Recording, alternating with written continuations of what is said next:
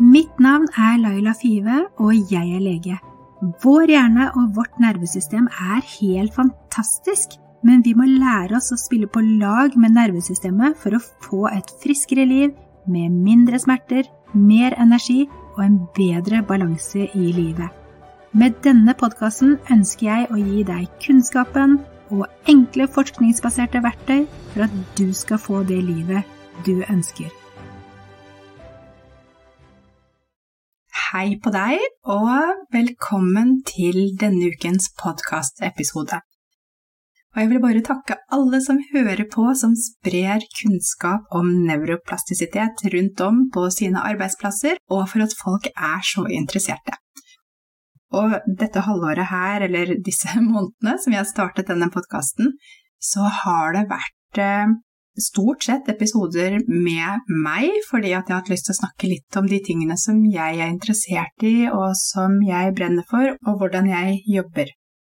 Men neste halvår så vil jeg ta inn mye flere gjester, og stort sett så vil det være gjester enten noen som jeg har behandlet som har blitt bedre, eller som har blitt bra, eller så vil det være noen som jobber på samme måte som meg, eller som brenner for de samme tingene som meg.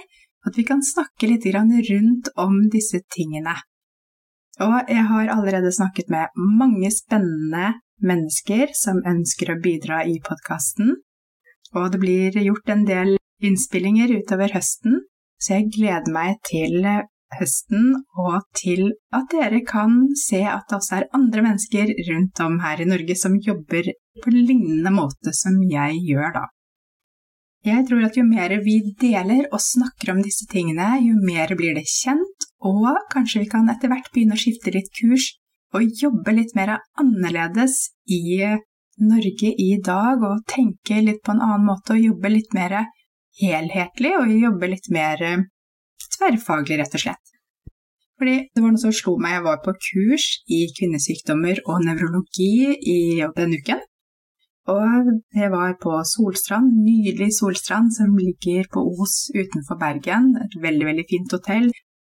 Denne gangen, som de andre gangene, så var det utrolig mange fine og gode foredragsholdere. Det var veldig, veldig interessant å være der og høre på hva de hadde å formidle. Veldig kjekt å få oppdatert kunnskapen. Men så var det noe som liksom slo meg den uken som jeg har vært der.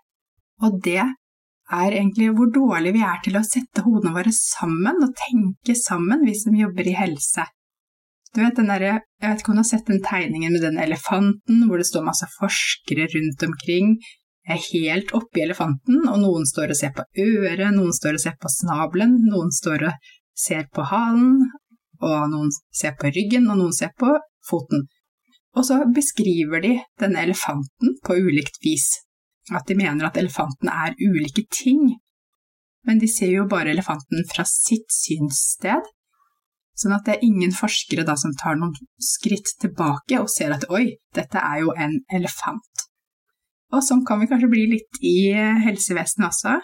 At vi jobber med vårt organområde og symptomene fra det, og så behandler vi det istedenfor å ta et skritt tilbake. Og det er det jeg mener med nevroplastiske lidelser, at når vi tar et skritt tilbake, eller noen skritt tilbake, så kan vi se at her er det jo én ting som ligger bak alle disse ulike lidelsene. Så har du fatigue, kvalme, svimmelhet og smerter, så er det én lidelse, og ikke fire ulike lidelser. Og det tror jeg vi må bli litt flinkere å se på i helsevesenet. Nå får jeg bare begynne med å unnskylde stemmen min litt denne uken, fordi jeg har klart å bli litt forkjølet, fått en sommerforkjølelse, som vi ofte kaller det. Men det har vel kanskje ikke så veldig mye med sommer å gjøre, men det har vel med at jeg har vært ute og frøset tre kvelder på rad i timevis, pluss at jeg har hatt en liten datter som har krøpet inn i sengen min om natten og ligget og hostet og pustet på meg med sin virusinfeksjon, og da er det vel vanskelig å slippe unna.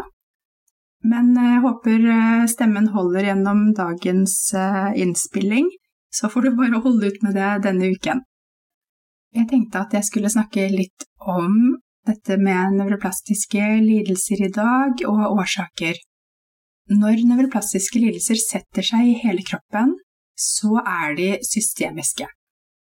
Det betyr at nervesystemet, immunsystemet og hormonsystemet er involvert.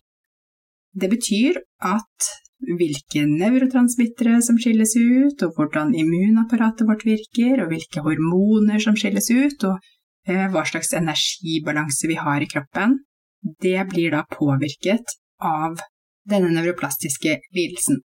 Og da kan man jo gå inn med legemidler, endre hvilke nevrotransmittere som skilles ut, ikke sant? Sånn at vi kan da bli bedre av lidelsen ved å bruke medisiner. Men vi kan også jobbe systemisk på et litt høyere nivå med nervesystemet, nevroplastisk, med å roe ned stresset i nervesystemet og ta kontroll bli kjent med kroppen vår og bli kjent på hva som skjer på innsiden, for vi har altfor lite fokus på hva som skjer inni oss i dag.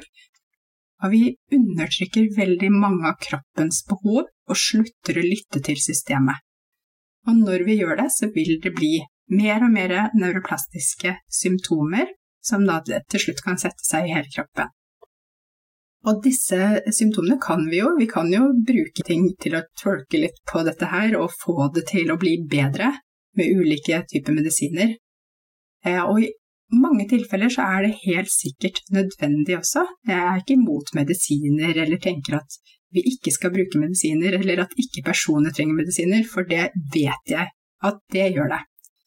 Men i enkelte tilfeller så kan man nok sannsynligvis gå inn og ikke ta og bruke disse medisinene med en gang, men faktisk begynne å jobbe nevroplastisk og se hvor langt man kommer med det. Eller man kan få medisiner i bunn som kan dempe noe av stresset, og så kan man jobbe nevroplastisk oppå det, og så kan man se om man kan plukke vekk noen medisiner etter hvert. Eller om det må være sånn, for noen må ha medisiner, og det må vi bare vedkjenne oss.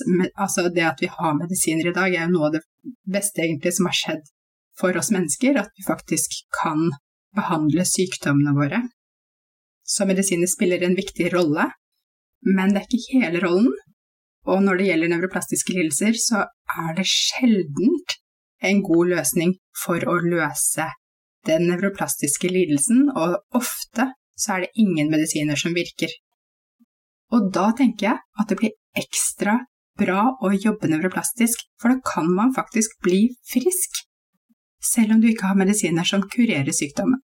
Og det syns jeg også er veldig fint med det å jobbe nevroplastisk, at du kan ha en lidelse som har et navn, og så kan du bli frisk fra lidelsen, eller frisk fra den kroniske lidelsen, uten å måtte ta medisiner hver eneste dag resten av livet, som man ofte må for å dempe dem hvis man ikke jobber nevroplastisk.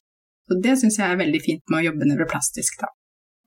Årsaken til nevroplastiske lidelser det har jeg snakket om før i denne podkasten, men jeg tenkte jeg skulle si litt kjapt om det igjen. Det er enten oppsamlede stressorder gjennom livet, eller stressorder som det står i i dagliglivet.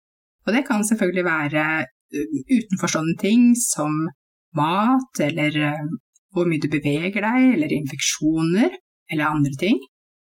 Det kan være traumer, altså enten stressorer i livet, eller traumer som du har opplevd gjennom livet ditt eller i barndommen. Eller det kan også være komplekse følelser som ikke blir prosessert. Det vil si at eh, det er de situasjonene der man føler flere følelser overfor samme person, men så undertrykker man de følelsene som ikke er sosialt akseptert, eller som man føler skyld eller skam over å ha. For disse følelsene øker stress i systemet og gjør at det blir mer ustabilt, og at man får en dysregulering. I dag så tenkte jeg at jeg skulle fokusere på barndomstraumer og hvordan de endrer hjernen og kroppen vår. For det at de som har opplevd traumer, de har til syvende og sist en økt risiko for sykdom. Før så trodde jeg liksom det at noen bare fikk mer enn andre i livet, at de rett og slett var uheldige. Men forskning viser at dette ikke stemmer.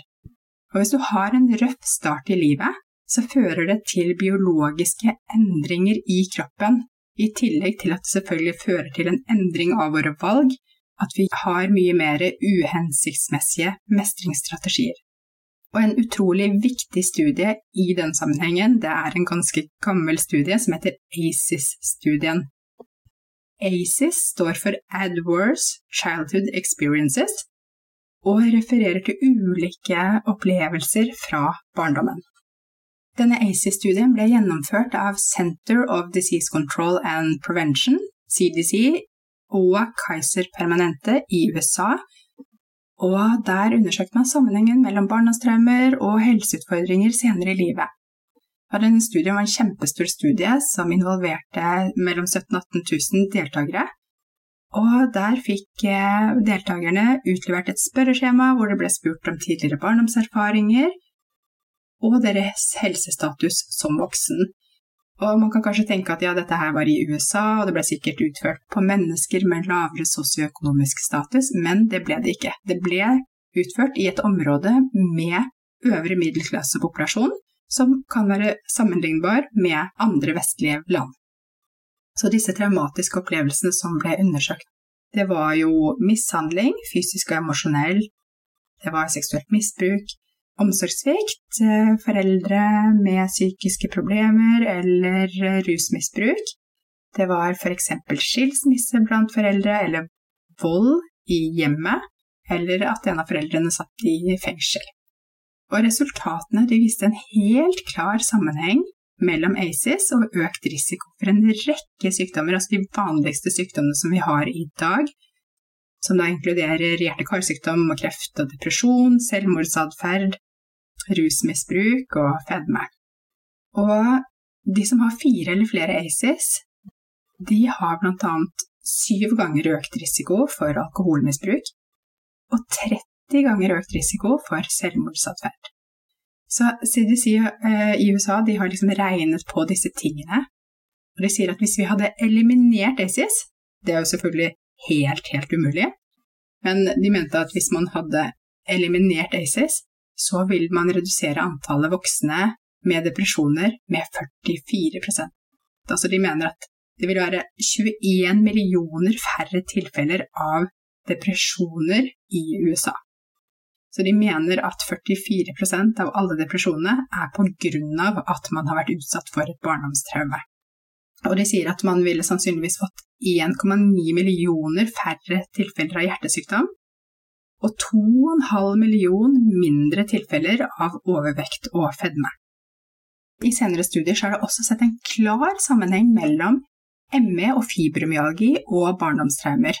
Det betyr ikke at ME og fibromyalgi er forårsaket av barndomstraumer, men det vil si at det er mye større risiko for at du har opplevd barndomstraumer hvis du har disse lidelsene.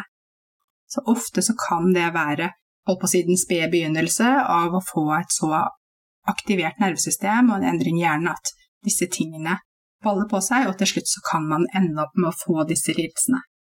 Og I en annen studie så, så man at faktisk 84% av de som har kroniske smerter, de har opplevd én eller flere ACES. Og det er også sett en mye større risiko for å utvikle autoimmune sykdommer hvis du har barndomstraumer, og i en oppsummeringsstudie i PubMed så, så man faktisk at 64% av de med autoimmune sykdommer de hadde én eller flere ACES. Da er det faktisk ganske mange i befolkningen i seg selv som har én eller flere ACES, sånn at man kommer fort i den kategorien.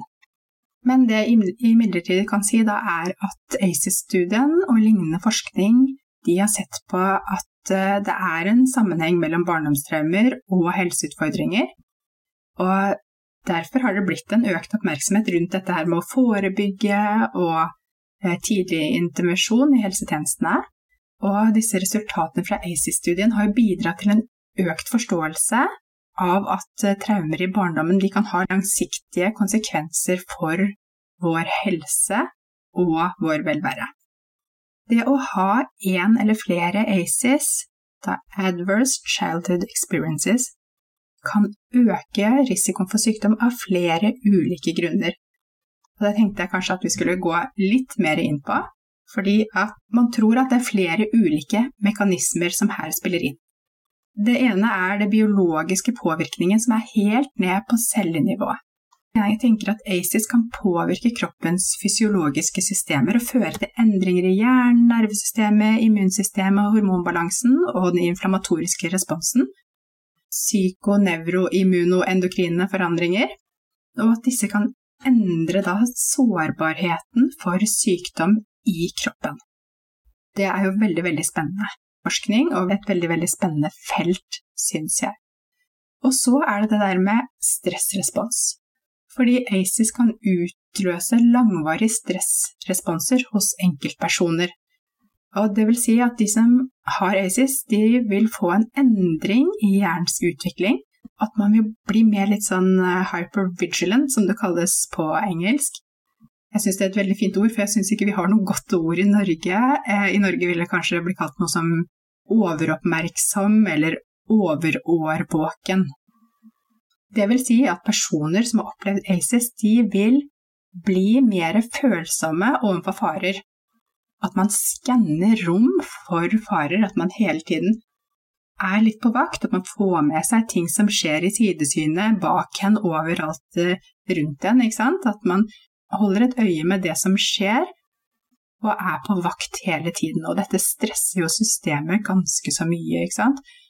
Og kan tenke deg nå som vi har fått sånn øh, over på noe helt annet, da, men åpne kontorlandskap. Nå vil veldig mange mennesker med ACES, de vil slite når det gjelder disse tingene her, fordi at man er på og skanner omgivelsene hele tiden. Er det åpent kontorlandskap, så vil man bruke så mye ekstra energi på å bare skanne omgivelsene hele tiden og være på vakt, enn hvis man f.eks. sitter på et eget kontor og nå er det ganske mange mennesker som opplever en ACES i Norge, sannsynligvis over halve befolkningen, sånn at det er um, viktig å ha dette her i mente. Og det gir liksom mening at hjernens uh, utvikling skal endre seg hvis vi vokser opp i et uh, litt utrygt miljø. Fordi at det er viktig at barnet blir oppmerksom på farer hvis omgivelsene er farlige. F.eks. i tidligere tider i steinalderen eller sånne ting, hvis du er oppvokst i et miljø der man har masse rovdyr, så er det jo viktig at barnet er mer på, på vakt for farer og er mer forsiktig enn hvis f.eks. barnet vokser opp i et miljø der det ikke er så mye rovdyr. Det er jo veldig lurt at hjernen vår tilpasser seg på denne måten. Og eksempel det første leveåret så dannes det 250 000 nye nerveoppkoblinger hvert minutt i hjernen. Og dette er liksom den tiden hvor hjernen endrer seg mest. Så det er klart at mor eller fars helse eller påkobling til barnet i denne perioden er helt essensielt i forhold til eh, hvordan barnets utvikling er. Og faktisk så skjer responsene på denne hjerneutviklingen allerede i mors liv. Så hvis mor er veldig stresset i svangerskapet, så kan det påvirke barnet i negativ retning. Og det sier jeg ikke fordi jeg tenker at jeg skal stresse alle kommende mødre, eller alle som tenker seg å bli gravide, at ikke de kan oppleve stress i svangerskapet, for kroppen vår er veldig robust. Vi trenger å ha stress, men vi trenger ikke å ha en langvarig økt aktivering i nervesystemet. Vi trenger ikke å være under kronisk stress hele tiden. Så det, det, er det som er viktig, da. Og Derfor er det veldig viktig å ivareta gravide kvinner i vårt samfunn og kunne tilrettelegge mest mulig for dem når de er gravide. Men eh, i denne uh, utviklingen i barndomsårene hos de barna som har opplevd ACES, mange har opplevd ACES, de fleste opplever kanskje én ACES, men rundt en tredjedel eller noe sånt nå har flere enn én ACES. Og det er klart at jo flere ACES du har, jo mer påvirker det hjernen vår. Så hvis du har vært utsatt for én ting, f.eks. For at foreldrene dine skilte seg, så er det én ting, og det trenger ikke å påvirke deg i negativ retning heller. Det kan gå veldig bra å vokse opp under skilte foreldre, det er ikke det, men det gir en litt økt risiko for ting, og det spørs jo også veldig hvordan denne skilsmissen foregår, hva som skjer, selvfølgelig sånn at barn kan komme seg veldig godt ut av skilsmisse. Det kan for enkelte gi en økt risiko for sykdom. De som har opplevd flere ACES, vil trolig tolke verden som et litt mer truende og farlig sted enn de som ikke har opplevd det på den måten. For eksempel kan man tolke ansiktsuttrykk mer negativt. De har eh, gjort studier hvor de setter mennesker, og så ser de på bilder sant, av ansiktsuttrykk. En som ikke har opplevd ACES, vil kanskje si at ja, dette her mennesket er glad, eller det er um, nøytralt. Mens en som har opplevd flere ACES, vil kunne si at dette mennesket er sint, eller, eller truende, eller skummelt, eller noe sånt noe. Sånn at akkurat samme ansikt kan man tolke på helt forskjellig vis. Det samme f.eks. når mennesker snakker, eller man kommer i situasjoner, så vil man oppleve ting på en litt mer negativ måte. Altså tolke det som folk sier som kanskje noe negativt, ikke sant? Den samme kommentaren kan komme fra et menneske, og en som har opplevd mange ACES, vil kanskje tolke det som noe veldig negativt. Men en som ikke har gjort det, vil tolke det på en helt annen måte. Det er klart at hvis man tolker situasjoner mer truende, folk mer negativt, og ansiktsuttrykk også som mer negative eller truende, så vil det jo øke stresset og aktiveringen i kroppen lite grann, ikke sant? Det gjør at stressnivået øker, og et kronisk stress gir kronisk inflammasjon, som igjen legger grunnlaget for de fleste sykdommene vi kjenner. Det påvirker hjerte-karsystemet, det kan gi økt risiko for kreft, immunsystemet, fordøyelsessystemet og egentlig ja, alt. Sånn at eh, det å jobbe med disse tingene, være klar over det f.eks., bare være klar over at ok, jeg har en tendens til å tolke det folk sier på en mer negativ måte enn det det kanskje egentlig er ment.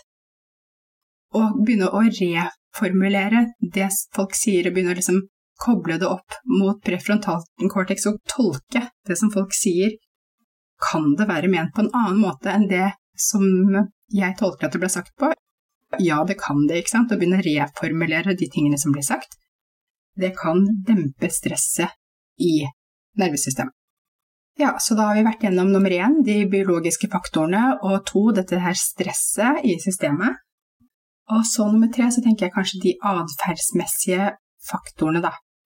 At det som er at personer med mange ACES, de vil ha større sannsynlighet for å ha litt mer uhensiktsmessige mestringsstrategier, som da kan være skadelig for helsen.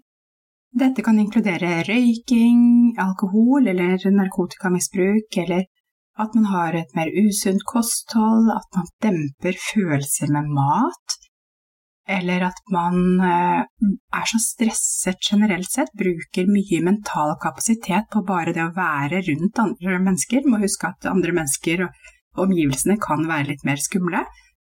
At man ikke orker å komme seg ut på den turen på ettermiddagen, eller gå og trene eller noe sånt noe. Fordi at hjernen forstår ikke helt forskjellen på det å være fysisk sliten og psykisk sliten. Fordi at var man sliten for titusenvis av år siden, eller millioner av år siden, så, så, var det fordi at man hadde brukt kroppen veldig mye. Det var mye mindre mental kapasitet som vi brukte på den tiden. Og derfor tolker jo hjernen det å være sliten som at man er fysisk sliten, og da trenger du å hvile, og da vil du få da instinktet eller følelsen av at du bør holde deg i ro og ikke bruke kroppen. Og alle disse atferdsmønstrene øker inflammasjonen i kroppen, som igjen kan øke risiko for en rekke sykdommer, som jeg allerede har nevnt, hjertekar og kreft og andre kroniske lidelser. Så var det den fjerde faktoren som jeg har tenkt på, det kan hende det er flere, men jeg kom ikke på de nå i slengen. ACES de kan jo påvirke den psykososiale utviklingen og føre til at man er mer disponert for depresjon og angst og lavere selvfølelse, rett og slett at eh, det er vanskeligere å danne og etablere da, sunne, gode relasjoner, og også opprettholde disse relasjonene. Sant? Fordi at eh, man kanskje har en lavere selvfølelse, så vil man da tenke oftere at ja, kanskje de ikke vil være med meg, kanskje de syns at jeg er uinteressant, ikke sant? Og på den måten så vil folk som har opplevd mange ACES, kanskje bli mer ensomme være mer alene, ha vanskeligheter for å ta kontakt med folk, og også mer vanskelig å opprettholde kontakt med folk. Ikke sant? Fordi man vurderer hele tiden at oi, hva er årsaken til at de ikke ringer nå? Er det fordi at de egentlig ikke liker meg? Er det fordi at de egentlig tenker at de har lyst til å bryte kontakten, ikke sant? At oftere vil folk med ACES, de vil tolke sånne situasjoner på den måten, mens andre som har mye bedre selvfølelse, de vil jo ikke tenke at det kommer av det, de vil tenke at det kommer kanskje av at folk er opptatt av det, eller av andre ting. Sånn at når hjernen er litt mer negativt, har et litt mer negativt syn på verden, så vil sånne ting kunne tolkes på en helt annen måte enn hvis man ikke har opplevd noe ACES. Og i tillegg til det så vil man kanskje etablere usunne relasjoner, ikke sant? Fordi at vår hjerne har en tendens til å prøve å gjenskape de situasjonene som er kjent. Selv om ikke de nødvendigvis er bra for oss. Så for eksempel hvis du har opplevd mye mishandling, av skriking, slåing og et utrygt miljø hjemme, så vil kanskje hjernen din prøve å gjenskape dette her. Fordi at det er trygt. Og Da vet hjernen hva den kan forvente, ikke sant? Sånn at en person som har blitt mishandlet i barndommen, har større risiko for å finne seg en partner som mishandler deg i da voksen alder. For en sånn person som har blitt mishandlet hele tiden, som ikke har opplevd varme og omsorg og kjærlighet, det å få en person som gir deg det, det kan faktisk oppleves som litt utrygt og truende. Hva betyr dette her, liksom? Dette her kan ikke jeg stole på, eller dette her var veldig rart, ikke sant? At hjernen din vil søke trygghet, og det er, trygghet, det er likt. Den vil prøve å skape det systemet som du allerede har hatt, som du vet at du overlever, da. Og det betyr ikke nødvendigvis at ikke personer som har opplevd Eh, veldig dårlige barndommer får seg gode partnere. For det er veldig mange som gjør det, men det er en økt risiko. Så for å oppsummere litt, så vil jo dette her med ACES føre til at både kroppen eh, endrer seg, og våre valg endrer seg, og vår opplevelse av verden endrer seg, ikke sant? Sånn at alt dette her kan gi et økt stress, en økt belastning. Alle disse tingene har jo gitt en økt bevissthet i helsetjenesten sant, om at det er viktig å identifisere og håndtere traumatiske opplevelser. At det er økt fokus nå på å forebygge tidlig intervensjon, det å støtte familier eller barn dersom det kan være risiko for at det kan oppstå traumer, eller der det kan være traumer. Det har også bidratt til at vi oftere nå samarbeider mellom de ulike tjenestene. Barnevern, skolehelsetjeneste, helsestasjon, skole, foreldre Sånn at folk kommer mer sammen nå for å løse situasjonen og snakke sammen på ulike nivåer. Som er jo så viktig i denne sammenheng. Vi vet jo det at barn som opplever ACES, de oftere er stresset og får mer sykdommer, og de sykdommene som de får, eller de symptomene de får, blir ofte verre i en stresset liten kropp. Sånn at eh, barn som opplever mye ACES, vil oftere være i kontakt med oss i helsevesenet. Men det å finne disse personene, det er en utrolig kompleks oppgave. Men det er utrolig viktig at vi i helsetjenesten også er observant, fordi at disse barna blir oftere sykere, de kommer ofte i kontakt med oss. De får oftere infeksjoner, astmaanfallene blir verre, ikke sant? Og det betyr selvfølgelig ikke at eh, de som kommer i kontakt med oss i helsevesenet, at det skjer noe i hjemmene deres, eller at barna er stresset eller sånne ting. Det er ikke sånn at det er utgangspunktet, men det er en økt risiko. Og det ser vi ofte også, at flere og flere barn tar kontakt pga. hodepine og magesmerter og andre kroniske ting. Det betyr ikke at det skjer ting i familien, men det betyr at det er et stress der kanskje sant, i systemet av ulike årsaker som er veldig viktig for oss å identifisere og jobbe med på et tidlig tidspunkt. Så dette er jo noen av de grunnene til at jeg snakker om dette her. Det er jo fordi at det på alle nivåer er utrolig viktig å jobbe, da. Helsefremmende, forebyggende, både svangerskap og barneårene med disse barna som vokser opp. Men har du opplevd alle disse ACES-ene og blitt voksen, så er det også masse man kan gjøre for å redusere sitt stress, sin belastning. Og mange av disse fysiologiske endringene er mulig å reversere. Våre tanker og følelser det styrer klimaet i organismen. Det gjør at vi får psyko-, nevro-, immuno- og endokrine endringer i systemet vårt. Det å jobbe med traumer, det å jobbe med daglig stress, det å jobbe med triggere, det å jobbe med ulike miljøfaktorer for å nedregulere stressresponsen i kroppen vår. Det er kjempeviktig. Det kan redusere risiko for kreft og hjertesykdom og autoimmune sykdommer og alle disse tingene her. Og det er også andre teknikker som vi kan bruke, som er studerte og evidensbaserte for å redusere stress. Det er f.eks. å bruke yoga, mindfulness, meditasjon, pusteøvelser eller tai chi. Det kan bidra til å redusere inflammasjon i kroppen og senke aktiviteten i det sympatiske nervesystemet. Så her er det veldig, veldig mye man kan gjøre med sin risiko for sykdom. Og det er så utrolig viktig å ta tak i alle disse tingene, så man ikke går og opplever dette økte stresset hele tiden. For dette økte stresset gjør at det setter seg både smerter og utmattelse og andre typer nevroplastiske symptomer i kroppen. Så nå håper jeg du er litt klokere og kan se det at den totale stressbelastningen vår det bidrar til nevroplastiske endringer i hjernen og nervesystemet, og det er utrolig viktig å dempe dette stresset igjen. Ok, da tror jeg jeg sier takk for i dag, og tusen hjertelig takk for at du hørte på denne uken. Og da får du ha en fin uke videre. Husk at du er verdifull, og at det er lov til å sette grenser, og det er lov til å uttrykke seg, og det er lov til å være den du er. Fordi at de som er i omgivelsene dine, de må tåle hele deg. Det er uh, mitt råd denne uken. Ok, så da høres vi snart igjen. Takk for nå, ha det godt!